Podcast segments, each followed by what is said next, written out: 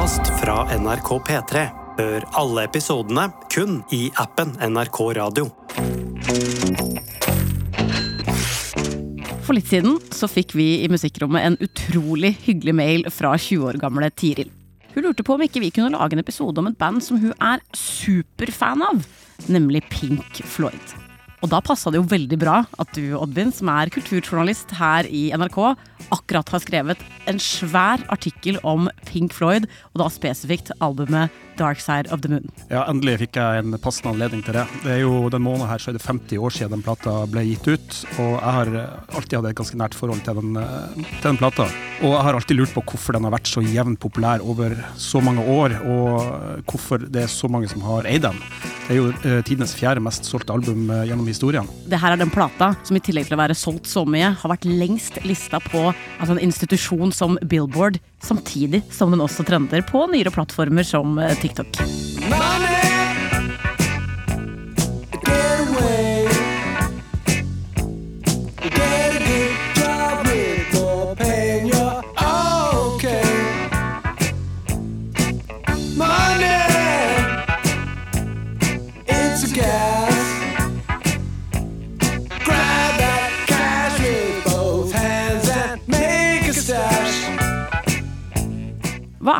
med Dark Side of the Moon som gir den tilsynelatende evig liv, til tross for at det også er kontroverser knytta til bandet?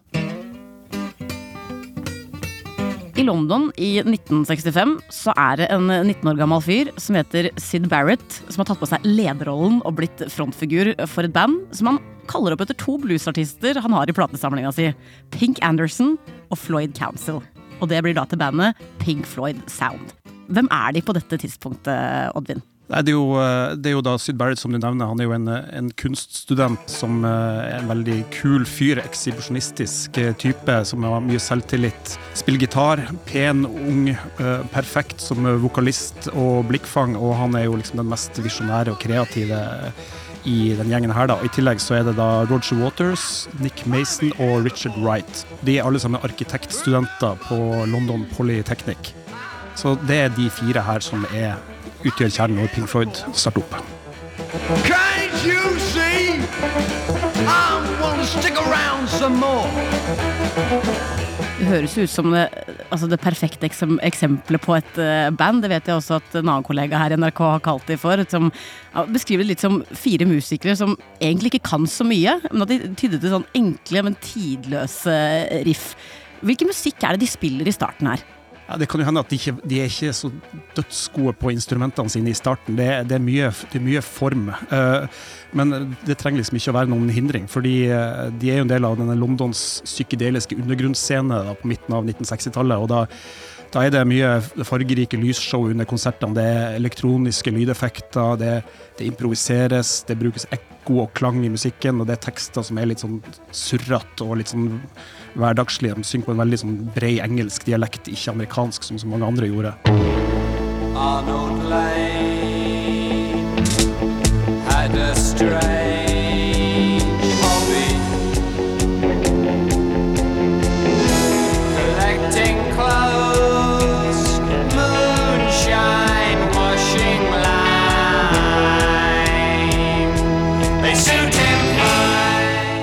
Syd Barrett han står i midten av det her og, og uh, flakser teatralsk uh, rundt på scenen. Og, ja, det er lekent og eksperimentelt. Og, og låtstrukturene er kanskje litt, uh, litt annerledes enn det som er vanlig på den tida på midten av 60-tallet. Det er ikke akkurat easy listening, da. Jeg må være helt ærlig og si at uh, på det første albumet, uh, 'Piper at the Gates of Dawn', så er det et par sekvenser der hvor det høres mest ut som de har ramla over alle instrumentene i uh, musikkrommet. Man føler seg nesten litt rusa når man, når man hører på.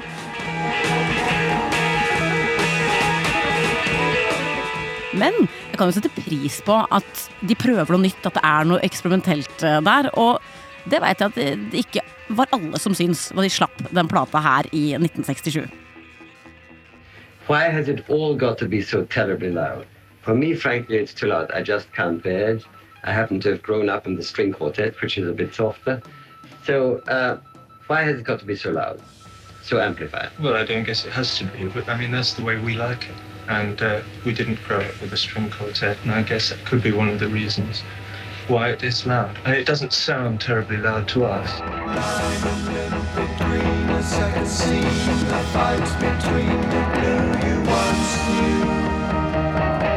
Floating down, the sound resounds around the icy waters underground.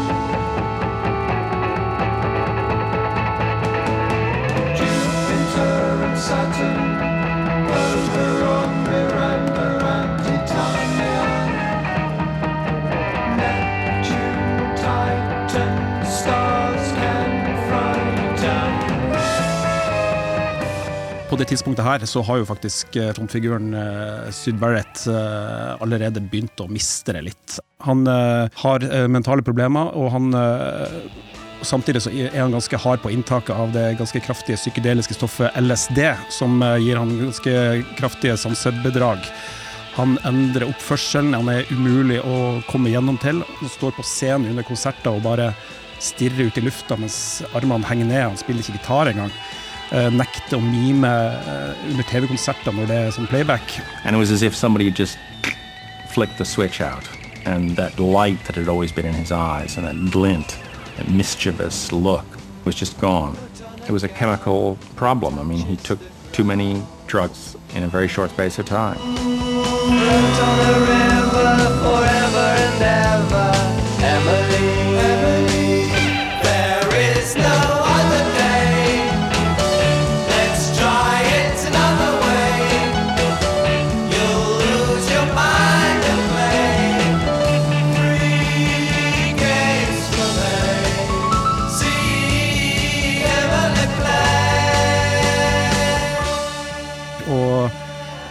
Da sent i 67 så tar de inn David Gilmore som eh, bandets femte medlem, og han er da først og fremst gitarist. Og da tidlig i 68 så blir Syd Barrett sparka fra bandet. I'd known Sid since I was about 14. It was hard dealing with sort of replacing one of my close friends and uh, and having to see one of my close friends who is no longer sort of functioning as a normal human being. Altså Jeg har jo forståelse for at det kan være litt utfordrende å spille i band med en som både har ganske store psykiske helseproblemer, og i tillegg er på heftige syretrips eh, stort sett hele tida.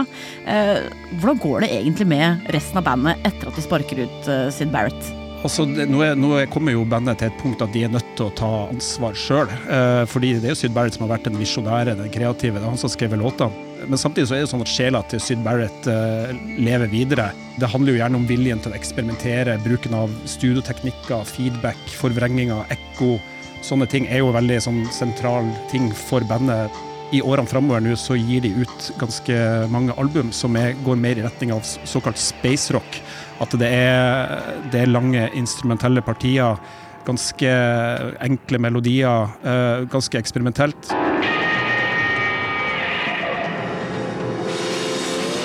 Og etter hvert da så nærmer de seg et mer helhetlig uttrykk. For i februar 1972 så går bandet på scenen i Rainbow Theatre i eh, London for å teste helt nytt eh, materiale. Og det de framfører her, det fører ikke bare til at eh, publikum går ut av salen rørt til tårer.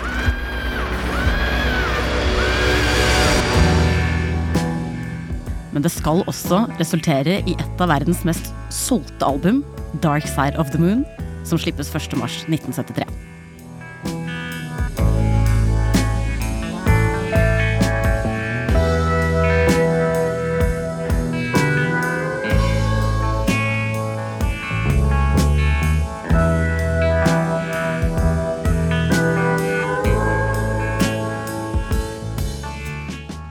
Og det her er jo blant de aller første musikalske minnene mine, rett og slett. Jeg var jo ikke født da plata ble gitt ut med litt, bitte litt margin. Men vi hadde jo den the Moon på kassett. Jeg husker jo lange eh, bilturer med familien der jeg sitter i baksetet på en Mercedes stasjonsvogn og kjører sørover over Saltfjellet og hører på de lydene fra den plata. Jeg husker jo jeg husker hjerteslagene, jeg husker gitarene som er baklengs, stemmer, en litt sånn creepy latter eh, føtter som løper, klokker som slår.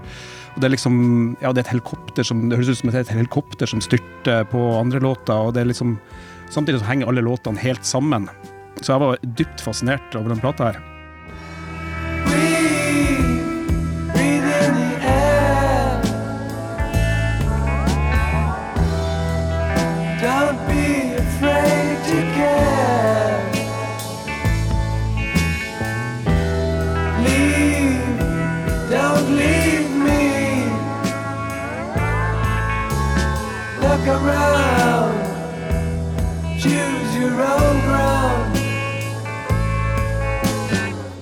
Og senere så har jeg jo kjøpt den på LP, jeg har kjøpt den på CD. Jeg har, jeg tapetserte gutterommet mitt med Pink Floyd-plakater. Jeg har lært meg å spille gitar til den, og jeg har egentlig aldri blitt skikkelig lei av den, selv om eh, jeg liksom jeg har spilt den så mye at jeg kjenner jo hvert tidel av plata. Du kan, du kan slippe av på hvor som helst punkt på plata, og jeg vet nøyaktig hvor jeg er. Skal vi teste nå? Ja, gjør det. Men jeg får jo jeg får litt fomo når du forteller nå, Oddvin. Fordi jeg er en av de som ikke har vokst opp med Dark Side of the Moon på repeat. Vi har aldri hatt den plata hjemme, og jeg kjenner at jeg er sånn full i barndommen eh, min, nesten. Hvis du Det er ikke for sent. Nei, nei, det er sant. Eh, Hvis du skulle solgt det inn eh, for meg, som jeg aldri har hørt om det albumet her før, hva ville du sagt at er greia med den plata da? Det er vanskelig å, å si hva man skal si, men altså det, det blir jo omtalt som den store, den største, den ultimate konseptplata. Eh, Det er kanskje ikke et veldig bra innsalg i seg sjøl, men det er, jo, det er jo musikken som er den store attraksjonen for de aller fleste, det tror jeg. Og for andre så er tekstene veldig, veldig givende, og de, de kjenner seg igjen i det. Og så er det jo noen som vil si at eh, coveret også er viktig i totalpakka, så det er liksom det er totalpakka som er svaret på det, egentlig. Det høres ut som en hellig treenighet, eh, det her, og vi skal komme tilbake til både det ikoniske coveret og de viktige tekstene, men vi må begynne med det aller viktigste, sånn som jeg skjønner det på deg, Oddvin, og det er musikken. Hva kan du si om den? Det er jo noen som vil bruke litt sånn nedlatende ordet depperock om eh, plata. Det er, jo, det er jo for så vidt eh, De er jo litt inn på det når man sier det, da, men det er jo jeg vil si det er ganske sånn storslått og melodiøs musikk på denne plata her. Det er, det er ganske sånn saktegående det er, ikke noe, det er ikke noe stort tempo på den. Det, det er enkle akkordprogresjoner. Det er mye de samme akkordprogresjonene som gjentas i flere av låtene gjennom plata. Og det er liksom det er veldig beherska tromming, og så er det en og annen gitarsolo her og der, men lite egentlig. Lite brifing. Det er ingen som faller for fristelsen til å gjøre for mye på plata. Ganske mye luft i. Du hører jo f.eks. på låt som Us and Them at her kunne de ha filla inn mye rart, men eh, de lar eh, landskapet være åpent. da. Men eh, altså, for meg så musikalsk sett så er det, tror jeg det er tangentmannen Richard Wright som er den store helten på plata. Altså, han uh, bruker synthesizere, orgel og piano på en utrolig fin måte. Veldig sånn smakfullt og tidløst. Og det er også det er noen ting som man kan si om plata, er at de er ganske uh, nyskapende når det gjelder bruken av uh, synthesizere. De var tidlig ute med å teste ut det. De er blant de aller første som gjør det. Og et band som Kraftwerk eh, ble veldig inspirert av å høre på Dark Side of the Moon. De satt hjemme i Düsseldorf i Vest-Tyskland og sikla da de hørte på særlig andre sporet. Og, og lot seg inspirere til å gi ut eh, skiva Autobahn. Og de ble jo senere de største pionerene innenfor uh, syntmusikk. da. Fahren, fahren, fahren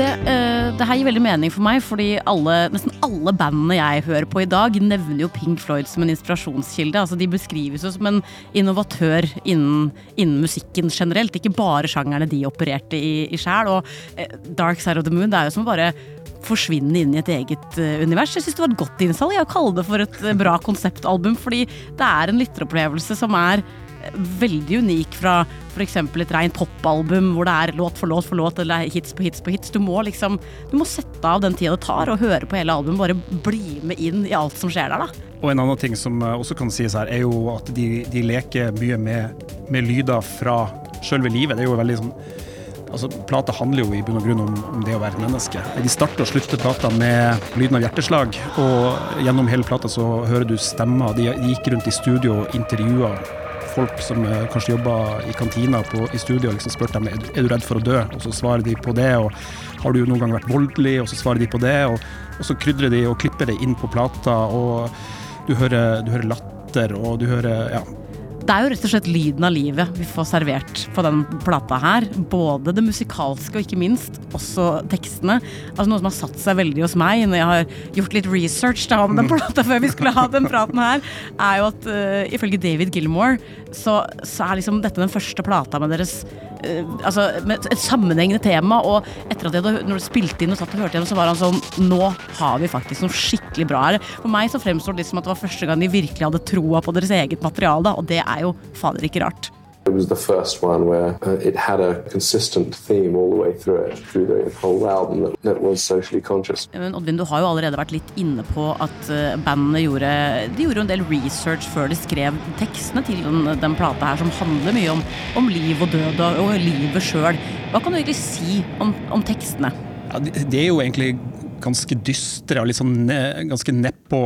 Det det er ikke noe livsbejaende plate. Fellesnevneren er kanskje det som handler om eh, det å være et medmenneske, noe som de fleste forhåpentligvis kan kjenne seg inn i. Men uh, Roger Waters har jo da for første gang skrevet alle tekstene på plata her, og man kan jo si at han treffer ganske blink på det. Det, det er sammenhengende, og det gir mening for mange. Det er veldig mange som, som uh, connecter med det. da. Time handler om opplevelsen av at livet er i ferd med å passere uten at du egentlig fikk det med deg. Roger Waters skrev den låta da han var 29 år gammel. Han innså plutselig at livet ikke var noen øvelse der hun fikk muligheten til å starte på nytt igjen. Well, I suddenly realized that this was life and it was happening, and this was not a for something. And I suddenly realized that this was not rehearsal, that this was life happening now, and one should grasp the nettle.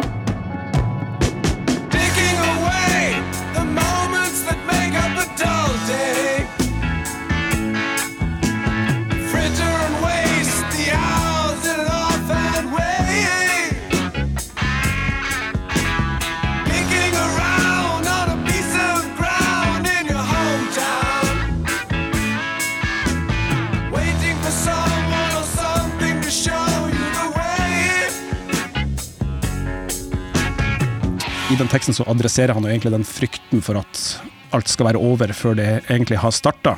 Det er jo ikke akkurat superoppløftende og positivt man får den åpenbaringen, men det er jo noe positivt i det å eh, ha noen, eller et band, eh, som setter ord og lyd til en følelse veldig mange kan kjenne seg igjen i. Det, det kan vi jo si er ganske positivt på, på et vis, eh, Oddvin. Så jeg regner jo også med at siden det her er en av platene som har fulgt deg gjennom hele livet, så er det vel noe tekst som du også har kjent deg igjen i eller relatert til?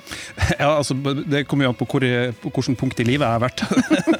Eh, ikke sikkert da jeg var sju år gammel at jeg kjente meg igjen i frykten for at livet snart skulle være over. Men, Jeg håper ikke det. men eh, det er jo ei linje som jeg synes man kan kjenne litt på. Det er jo fra den låta 'Time' som vi snakker om. Every year is getting shorter, never seem to find the time. Plans that either come to naught or half a page of scribbled lines. Every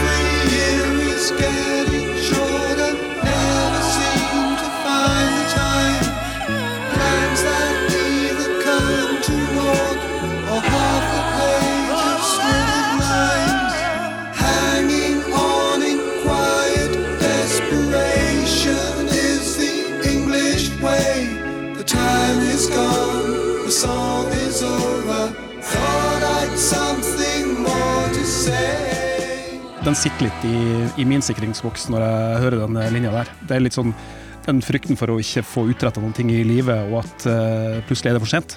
Den følelsen der tror jeg det er så mange som kan kjenne seg igjen i. Og så er det litt skummelt å si det høyt, så jeg må bare si takk for at du deler, eh, Oddvin. Men eh, nå har vi vært inne på Det har jo vært mye litt mørkt her, som vi har vært inne på. Hvilke andre temaer er det som blir tatt opp på Dark Side of the Moon? Nei, det er jo eh, Ja, det er, jo, det er jo alvorlige tema, da, men eh, det er jo en litt mer sånn uh, gladstemning, kanskje, på en låt som 'Money', som handler om eh, Det er veldig sånn overtydelig kritikk av storkapitalen og det å være grådig og grafse til seg. Eh, Den lyden av kassaapparatet som er brukt i litt for mange reportasjer om privatøkonomi på NRK. og så har de jo sunget om eh, hat og krig og hvorvidt eh, mennesker er i stand til å leve side om side med hverandre på eh, us and them. Så ja, tekstene er, kan jo si er gjennomsyra av eh, en slags følelse av litt desperasjon, litt fremmedgjøring, men, men det er også et håp i det. Det samler oss litt rundt felles følelser og tanker om alt som skjer her i verden og i livene våre, på en måte.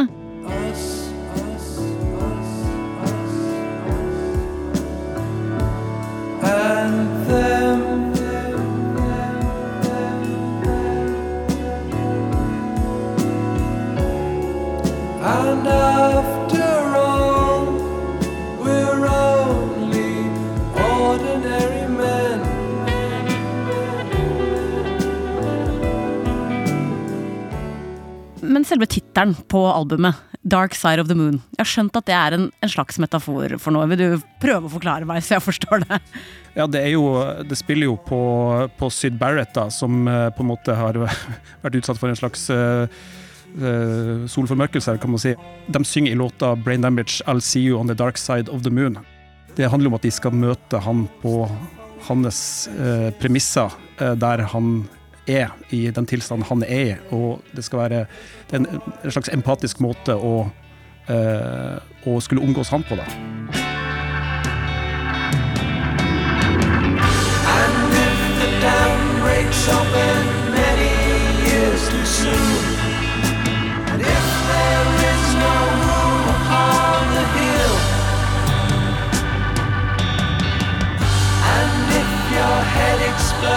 without forebodings too, I'll see you on the dark side of the moon. Det er jo på mange måter det ultimate mellommenneskelige budskap om at vi skal ta folk for den de er, møte de på den måten de trenger, uavhengig av at vi, ikke- vi, skal, vi skal ikke bare droppe noen fordi de har det vanskelig av ulike grunner. Jeg syns det her er det her er så viktig, det, det du forklarte nå. Ubetinga kjærlighet. Rett og slett.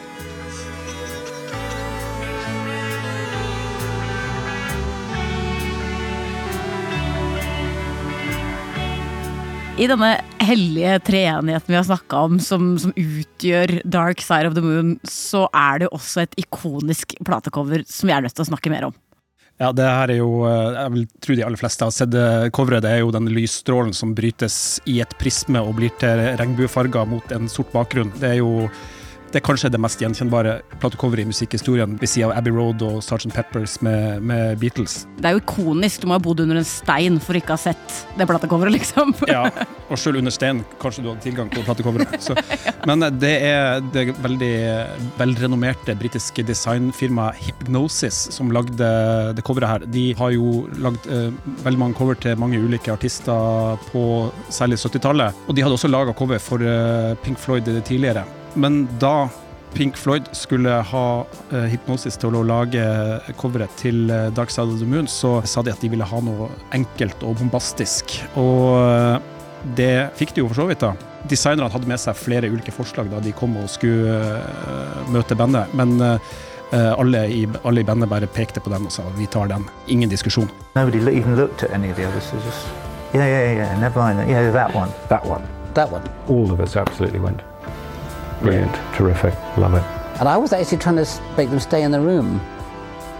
You know, to persuade them to say, listen, guys, can you please consider this one? I mean, I really spent a long time getting it together. Selv motivet er jo inspirert av at designeren eh, hadde sett sollys som ble reflektert gjennom ei svingdør. Og det er jo litt sånn eh, utgangspunktet for det. Og så skal det også være inspirert av lysshowet som bandene hadde på konserter. Og så var det jo også sånn at platecoveret ser fryktelig bra ut når det henger i en platebutikk. Det var ikke et poeng som gikk bandet hus forbi. Altså, selv om det platecoveret bare var sånn Selvfølgelig skal det være det, det gir helt mening, så var det også litt, litt kynisme og litt sånn kommersiell interesse inni å velge det. Ja, det var litt dollartegn i, i øynene da, i det de så det coveret, tror jeg. Litt ironisk med tanke på låta Money, men uh, må jo tjene penger på det bandet også. Men det funker jo fordi Dark Side of the Moon det blir jo en instant eh, hit, som det heter. Den selger til gull i USA på første måned. Og den skal vise seg å være en seig rakker. For den blir liggende så å si kontinuerlig på Billboard de neste 14 åra etter utgivelsen. Altså Den står seg gjennom æraer med store banebrytende sjangere som disko, punkrock, hiphop og ikke minst den nye popen som eh, kom med MTV. Hvordan er egentlig dette mulig, Oddvin? Ja, det er jo eh, et veldig stort spørsmål. Det, man kan jo si at det er, en slags, er et slags musikalsk leirbål som eh, folk har samla seg rundt eh, i 50 år nå. Eh, det er utallige band som er starta pga. Pink Floyd. Det er utallige eh, Pink Floyd tribute-band som er starta åpenbart takket være Pink Floyd også. Bare i Sarpsborg så finnes det jo to band som spiller utelukkende Pink Floyd-musikk. Trenger Sarpsborg to, er det jeg lurer på da. Nei, Sa- Sarpsborg er en stor by, så det er bare å få på flere. Du har, eh, det, det er gitt ut plate som på en måte covrer hele Dark Side of the Moon av andre artister. Flaming Lips, et stort uh, amerikansk band, har blant annet gjort det.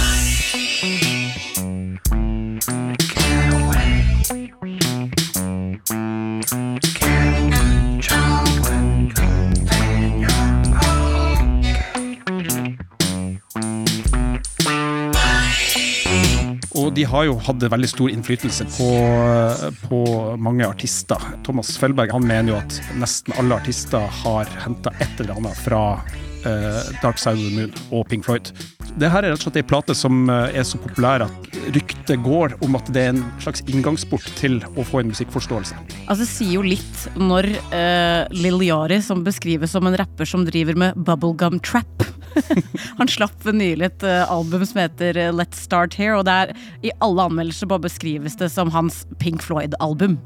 Og ja, det, han lager jo bubblegum trap, så det er jo åpenbart ikke det er eksakt samme, men han er liksom sterkt eh, påvirket av musikken de har laget, da. What's wrong? What's wrong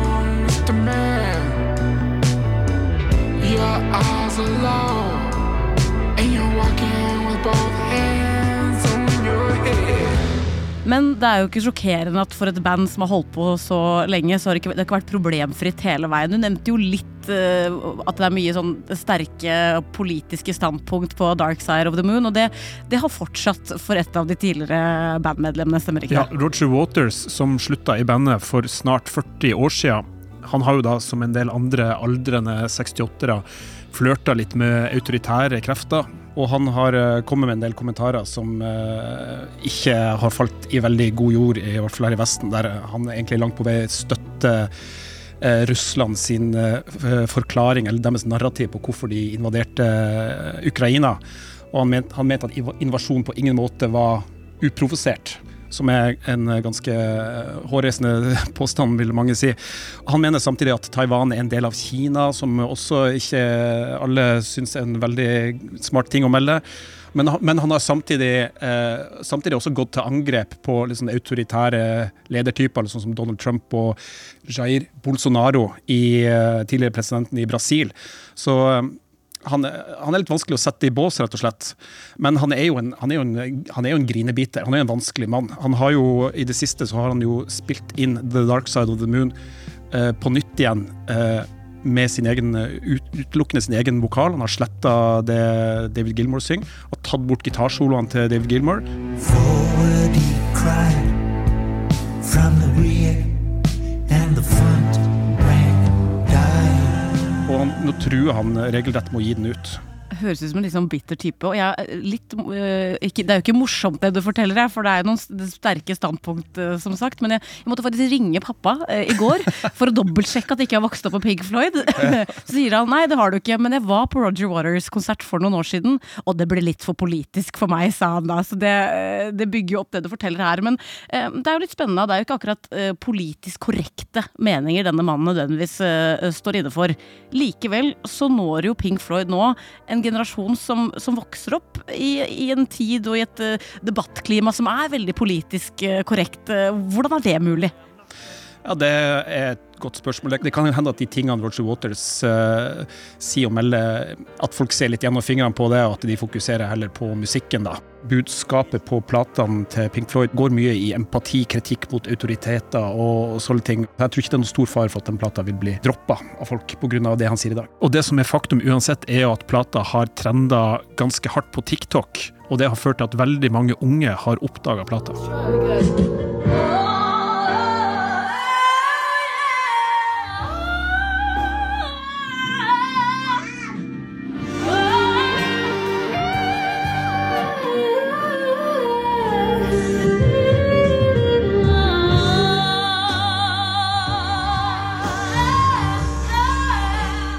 Det er altså enormt mange som rett og slett prøver å kopiere vokalen til Claire Torrey i låta 'The Great Gig in the Sky', for den er ganske særegen.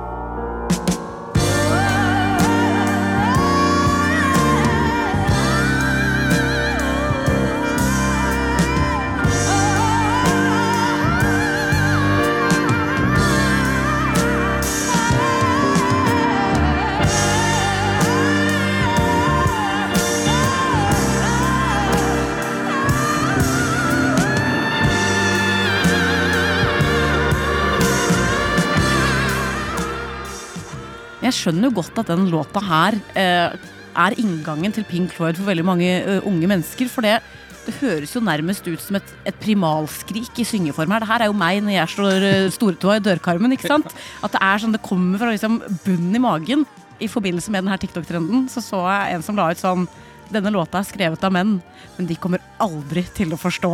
Mens den vokalprestasjonen til Claire Torrey er bare på sitt sterkeste. Og det traff meg. Jeg skjønner at det treffer.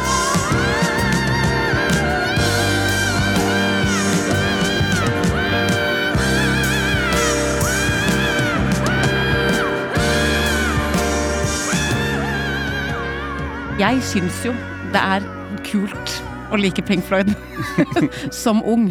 Det har jeg vært litt misunnelig på at jeg ikke har kunnet liksom eh, sagt. Så jeg tror, er det noe med det også? At det er, det er fett å digge de gamle banda som har satt eh, hva skal man si? Satt ikke standarden, men uh, har, har påvirka all musikken som slippes i dag. Da. Det, er jo, det er jo kult å like det. Ja, det, er ikke, det er jo helt vanlig at man søker seg tilbake i musikkhistorien. Det er jo, altså Beatles er jo populær blant alle. Altså, jeg hørte jo masse på Led Zeppelin på 90-tallet da jeg var 15 år gammel. Og, så, eh, men jeg har inntrykk av at Pink Floyd er et band som ganske mange unge uh, skal innom. da. Uh, The Wall er også en annen plate som eh, jeg har inntrykk av at har vært populær blant unge folk til alle tider. Den tar vi i neste episode. Det kan vi godt gjøre. Jeg på, hadde plakat på rommet fra The Wall også, så det er ingen problem. Men Oddvin, nå har Dark Side of the Moon akkurat rukket å bli 50 år gammel. Eh, begynner å bli en middelaldrende mann, den plata der. Eh, og nå har vi snakka mye om at den eh, fortsatt når nye fans. Hva tenker du om en eventuell utløpsdato? Blir det noen gang liksom klumper i Dark Side of the Moon-melka? Hvis jeg kan si det sånn. Plata har nok uh, opplevd bølgedaler i populariteten sin, og det kommer nok sikkert uh, Den skal sikkert litt ned igjen, uh, kanskje om ti år, for alt jeg vet. Men er jo, det er jo plate som, som når ut til alle, ikke bare menn på 55 med brillene i panna som tester ut de nye sølvkablene de har kjøpt på hifi-klubben. Så det, den vil alltid være det vil alltid være noen som finner noe på den plata her, og vil, folk vil alltid komme tilbake til den. Budskapet om medmenneskelighet og empati er jo tema som vi forhåpentligvis aldri blir helt ferdig med.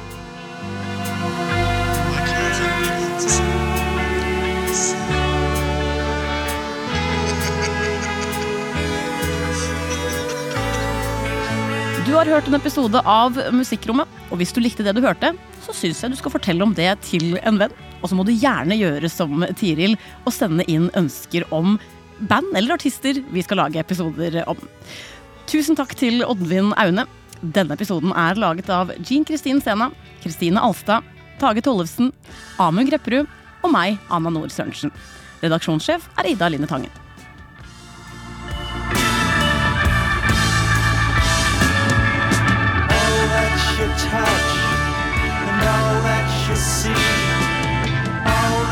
taste, all you feel, and all that you love all that you hate, all you distrust, all you save,